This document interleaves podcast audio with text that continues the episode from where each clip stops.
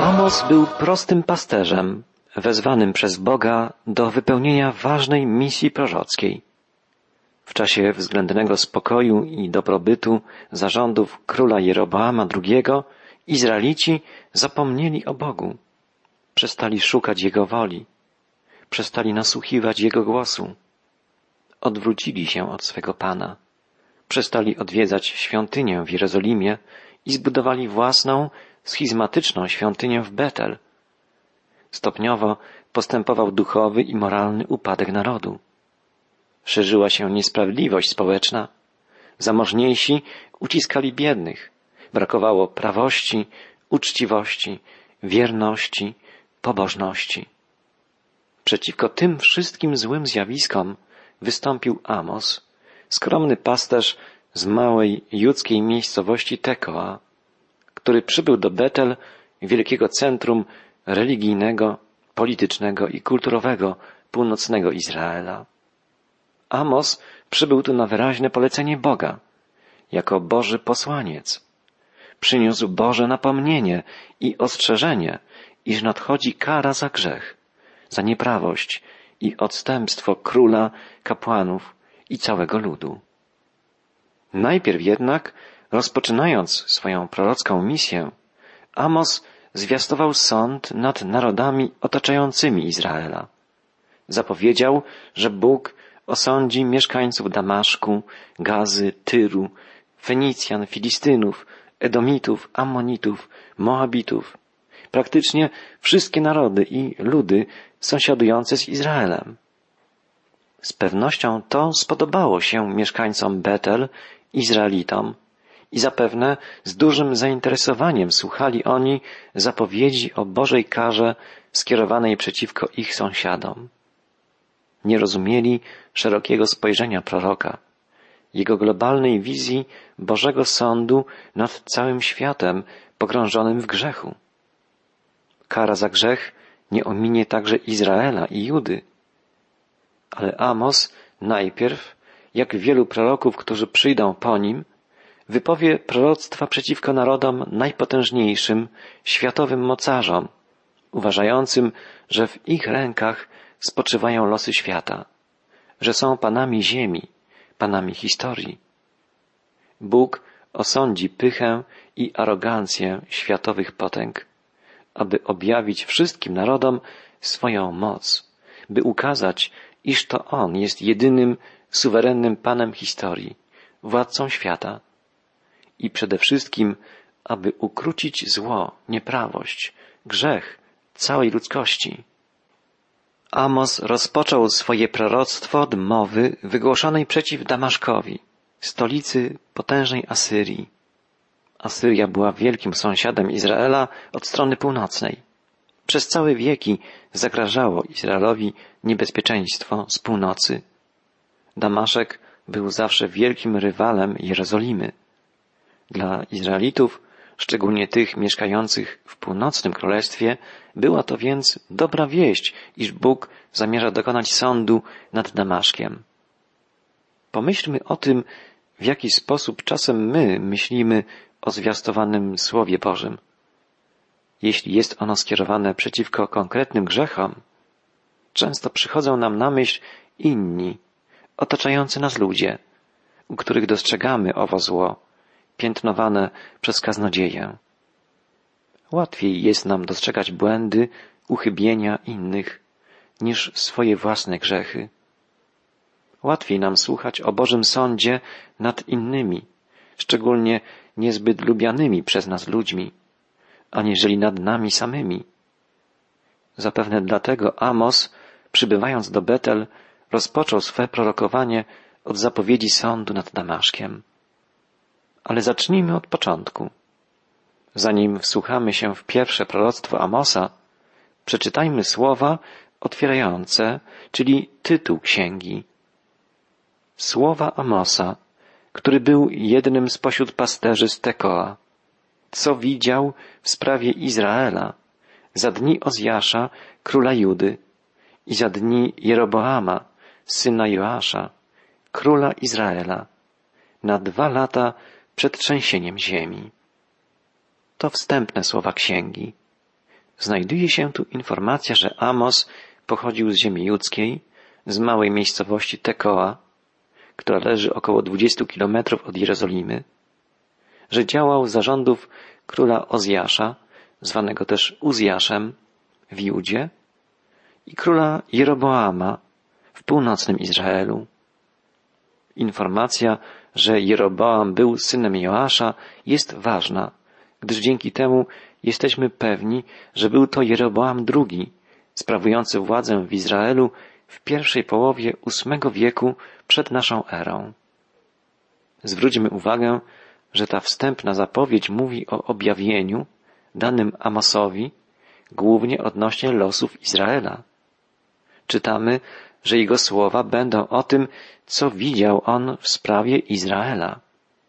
Rzeczywiście, tylko niewielka, początkowa część księgi Amosa mówi o losach narodów sąsiednich. Natomiast główna, zasadnicza treść proroctwa Amosa to poselstwo skierowane do Izraela. Dowiadujemy się też, że wystąpienie Amosa miało miejsce na dwa lata przed trzęsieniem ziemi. Według Józefa Flawiusza, wybitnego historyka żydowskiego, trzęsienie ziemi miało miejsce w Izraelu właśnie za rządów króla jerozolimskiego Uzjasza. W północnym Izraelu władzę sprawował wówczas Jeroboam II. Ten historyczny szczegół potwierdza fakt, że Amos był jednym z najwcześniejszych proroków, podobnie jak Ozeasz. W drugim wierszu księgi Amosa czytamy dalej.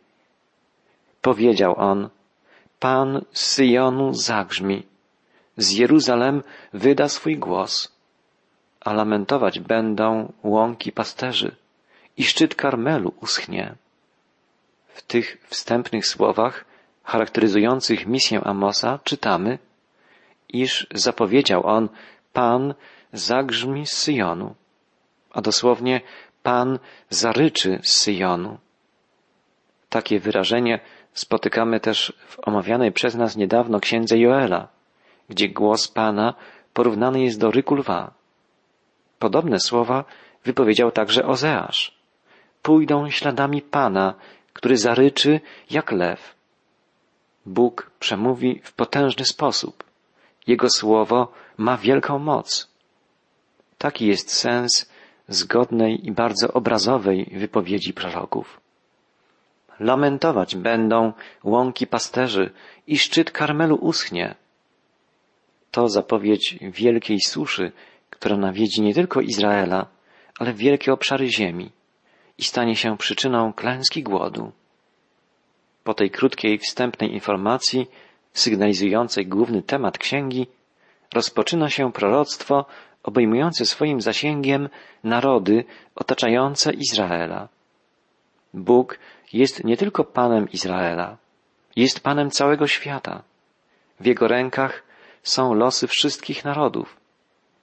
W Nowym Testamencie, szczególnie w nauczaniu apostoła Pawła, zwanego apostołem narodów, ta prawda jest uwypuklona bardzo dobitnie. Ale już w Starym Testamencie, między innymi w wypowiedziach proroków, znajdujemy wyraźną zapowiedź Bożego działania pośród wszystkich narodów na obliczu ziemi. Bóg panuje nad wszystkimi narodami, osądza wszystkie narody, ale też w swej niezmierzonej łasce powołuje do swego królestwa ludzi z wszystkich narodów. Każdy może odpowiedzieć na jego wezwanie. Bóg czuwa nad praworządnością. Winnych i nieposłusznych pociąga do odpowiedzialności i karze. Tak dzieje się także dzisiaj. Choć wielu współczesnych polityków, myślicieli twierdzi, że ludzkość wzięła dzieje świata w swoje ręce, że Bóg został odsunięty na margines wydarzeń, albo że Boga w ogóle nie ma. Ale prawda niezmiennie jest taka, że Bóg jest Panem historii i że to On osądza narody. Tak jest dzisiaj. Tak było za dni proroka Amosa. Pierwsze poselstwo prorockie skierowane jest jak już wspomnieliśmy, przeciwko Damaszkowi, stolicy potężnej Asyrii. Czytamy w wierszu trzecim. Tak mówi Pan. Z powodu trzech występków w Damaszku i z powodu czterech nie odwrócę tego wyroku, gdyż zmucili saniami żelaznymi Gilead. Amos woła w imieniu Pana z powodu trzech występków Damaszku i z powodu czterech nie odwrócę swego wyroku. Nie chodzi tu o jakieś konkretne trzy czy cztery występki Asyryjczyków. Prorok ma na myśli wielość występków. Wielość, wielką liczbę. Można by powiedzieć nie trzy, nie cztery, nie pięć, siedem czy dziesięć, ale wiele występków ściągnie Bożą karę na Damaszek. Taki jest sens wypowiedzi proroka. Wiele było bezbożności, nieprawości, niemoralności w życiu mieszkańców wielkiego miasta Damaszku. Spotka ich więc Boża kara, Boży sąd. Nie odwrócę swego wyroku, zapowiada Pan poprzez usta proroka, gdyż zmucili saniami żelaznymi Gilead. Żelazne sanie, o których tu mowa, były czymś w rodzaju dzisiejszych młockarni. Tłoczono nimi ziarno. Asyryjczycy użyli tych ostrych, ciężkich, żelaznych narzędzi do rozprawienia się z mieszkańcami Gileadu. Zdruzgotali, rozbili ich ciała. Dokonał tego król Aramu Hazael, który spustoszył ziemię Gileadu. Zgodnie z tym, co czytamy w drugiej księdze królewskiej w rozdziale dziesiątym. W tym czasie zaczął Pan po kawałku uszczuplać Izraela. Mianowicie Hazael zadawał im klęski na całym pograniczu izraelskim. Od Jordanu ku wschodowi całą krainę gileacką, należącą do Gadytów, Rubenitów i Manasesytów. Wojska asyryjskie opanowały całą należącą do izraelskich plemion Gada, Rubena i Manasesa ziemię leżącą na wschód od Jordanu. Wschodni brzeg Jordanu do dzisiaj jest miejscem sporów pomiędzy Izraelem a Syrią. Wzgórza Golan, które stale są punktem zapalnym konfliktów pomiędzy Syrią i Izraelem, znajdują się w starożytnej ziemi Gileadu. Konflikt rozpoczął się wtedy, w czasach starożytnych, gdy wojska asyryjskie nadeszły z północy i bestialsko rozprawiły się z trzema plemionami izraelskimi, mieszkającymi na wschodnim brzegu Jordanu. Bóg zapowiedział, że z powodu brutalności i okrucieństwa, z jakimi Asyryjczycy zdziesiątkowali Gadytów, Rubenitów i Manasesytów, zostaną osądzeni, surowo ukarani. Prorok Amos zapowiada w imieniu Pana, ześlę ogień na dom Hazaela, by strawił pałace Ben-Hadada, rozbiję zaworę Damaszku i wytępię mieszkańca z doliny Awen i dzierżącego berło z Bet-Eden, a naród Aramu uprowadzony zostanie do Kir, mówi Pan. Bóg zapowiedział, ześlę ogień na dom Hazaela, by strawił pałace Ben-Hadada. Hazael i Ben-Hadad III, jego syn, walczyli zaciekle z Izraelem, wyrządzając ludowi Bożemu wiele krzywd. Bóg ukarał ich, zsyłając ogień, który strawił nie tylko budowle królewskie, ale całe miasto. Damaszek kilka razy w swej historii był doszczętnie spalony. Jeden z tych wielkich pożarów miał miejsce za dni Hazaela i jego syna Ben-Hadada. Wypełniło się proroctwo Amosa. Nie wiadomo dzisiaj nawet, czy Damaszek, jedno z najstarszych miast świata, leży w tym samym miejscu, co w starożytności, bo najstarszych ruin nie sposób odszukać, gdyż miasto spłonęło doszczętnie do fundamentów kilka razy. Także i to proroctwo Amosa wypełniło się co do słowa. Rozbiję zawory Damaszku i wytępię mieszkańca z Doliny Awen. Gdy podróżuje się z Bejrutu do Damaszku, przejeżdża się przez miejscowość Baalbek, która leży w dolinie Awen. Jest to dolina damasceńska, ciągnąca się do samego Damaszku. Znajduje się tam wiele wspaniałych ruin asyryjskich i rzymskich, gdyż w czasach imperium Cezarów zakładano tam rzymskie kolonie. Dzisiaj kraina ta jest praktycznie niezamieszkała, a naród Aramu uprowadzony zostanie do Kir. Zakończył swe proroctwo przeciwko Damaszkowi i jego ludom Amos. Lud Aramu, którego królem był Hazael, utracił niepodległość, został wchłonięty przez potężną Asyrię. Kir był prowincją Asyrii i tam przesiedlono mieszkańców Aramu. Często tak postępowano w starożytności, by wykorzenić z rodzimej ziemi podbite narody. Żeby śledzić wypełnianie się proroctw biblijnych, trzeba zaglądać do atlasów geograficznych i zapisów historycznych. Biblia nie mówi o wydarzeniach czy miejscach abstrakcyjnych, nierealnych. Przeciwnie, mówi o konkretnych wydarzeniach historycznych i podaje konkretne szczegóły geograficzne, żeby ukazać Boże działanie na przestrzeni dziejów. Biblia opowiada o rzeczywistych wydarzeniach, miejscach i faktach. I nawet kiedy relacjonuje wydarzenia cudowne lub kiedy opowiada o niebie, o przyszłej rzeczywistości, możemy być pewni, że jest to mowa o rzeczywistości realnej, pewnej, prawdziwej, bo Biblia zawiera wyłącznie obiektywną prawdę. Relacja biblijna jest osadzona w historii i w teraźniejszości oraz zawiera proroczą wizję przyszłości. Wszystkie wypowiedzi biblijne, niezależnie od tego, czy dotyczą odległej przeszłości, wydarzeń współczesnych, czy wydarzeń eschatologicznych przyszłych, są jednakowo pewne i prawdziwe. Spójrzmy na następne proroctwo Amosa, jednego z wielkich mężów bożych. W wierszach od szóstego do ósmego pierwszego rozdziału Księgi Amosa znajdujemy zapowiedź sądu nad Gazą i nad Filistynami. Czytamy Tak mówi Pan. Z powodu trzech występków gazy i z powodu czterech nie odwrócę tego wyroku, gdyż uprowadzili doszczętnie ludność, by wydać ją Edomowi. Ześlę więc ogień na mury gazy i strawi on jej pałace. Wytępię mieszkańca z Ażdodu i dzierżącego berło z Aszkelonu. Zwrócę rękę przeciw Ekonowi i zginie reszta Filistynów.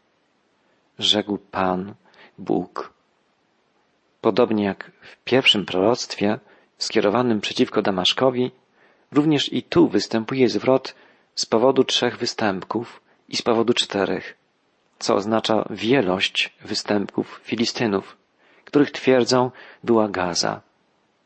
W sposób szczególny, jako największy występek, zostaje potępione niewolenie ludu Bożego. Filistyni brali Izraelitów do niewoli i sprzedawali ich między innymi Fenicjanom, o których będzie mowa w następnym proroctwie. Fenicjanie, ludzie morza, handlowali wielu towarami, także jeńcami wojennymi. Sprzedawali w niewolę podbite ludy. Rozwozili je swoimi okrętami po całym basenie Morza Śródziemnego. Filistyni sprzedawali Fenicjanom jeńców wojennych spośród Izraela, a Fenicjanie sprzedawali ich w niewolę z zyskiem i Bóg zapowiedział poprzez usta proroka, że ukaże zarówno Filistynów, jak i Fenicjan za ten haniebny proceder. Handel niewolnikami, handel ludźmi zawsze jest czymś haniebnym, okrutnym, nieludzkim. Jest sprzeczny z wolą Boga, który pragnie, by każdy człowiek był jednostką wolną, szanowaną, by nikt nie deptał godności ludzkiej osoby. Niezwykle interesującą rzeczą jest to, że strefa gazy, o której wspomina prorok Amos, znajduje się dzisiaj pod kontrolą Izraela. Także wymienione przez proroka miejscowości Ashdod i Ashkelon leżą na terytorium współczesnego państwa Izrael. W Ashdod wybudowano wielką rafinerię. Zbudowano też tu nowy port o wielkim znaczeniu gospodarczym i handlowym. Uważa się, że Ashdod ma jako port nawet lepsze położenie niż Haifa. Ashkelon leży na południe od Ashdod. Można do dzisiaj oglądać w Ashkelon ruiny świątyni Dagona, gdzie zginął bohatersko Samson, dokonując jednocześnie zemsty na Filistynach. Proroctwo Amosa spełniło się zarządów bogobojnego króla judzkiego Hiskiasza, o którym czytamy w drugiej księdze królewskiej. Pan był z nim. Wszystko, co przedsięwziął, wiodło mu się. On to pobił Filistynów aż do Gazy i jej okręgów, od wieży strażniczej aż do grodu warownego. Amos zapowiedział w imieniu Pana, ześlę ogień na mury Gazy i strawi on jej pałace. Wytępię mieszkańca z Ażdodu i dzierżącego berło z Aszkelonu i zginie reszta Filistynów. Proroctwo Amosa wypełniło się, literalnie, dosłownie, tak jak każde proroctwo zapisane w Biblii. Czasem zapowiedzi proroków spełniają się po kilkudziesięciu lub po kilkuset latach.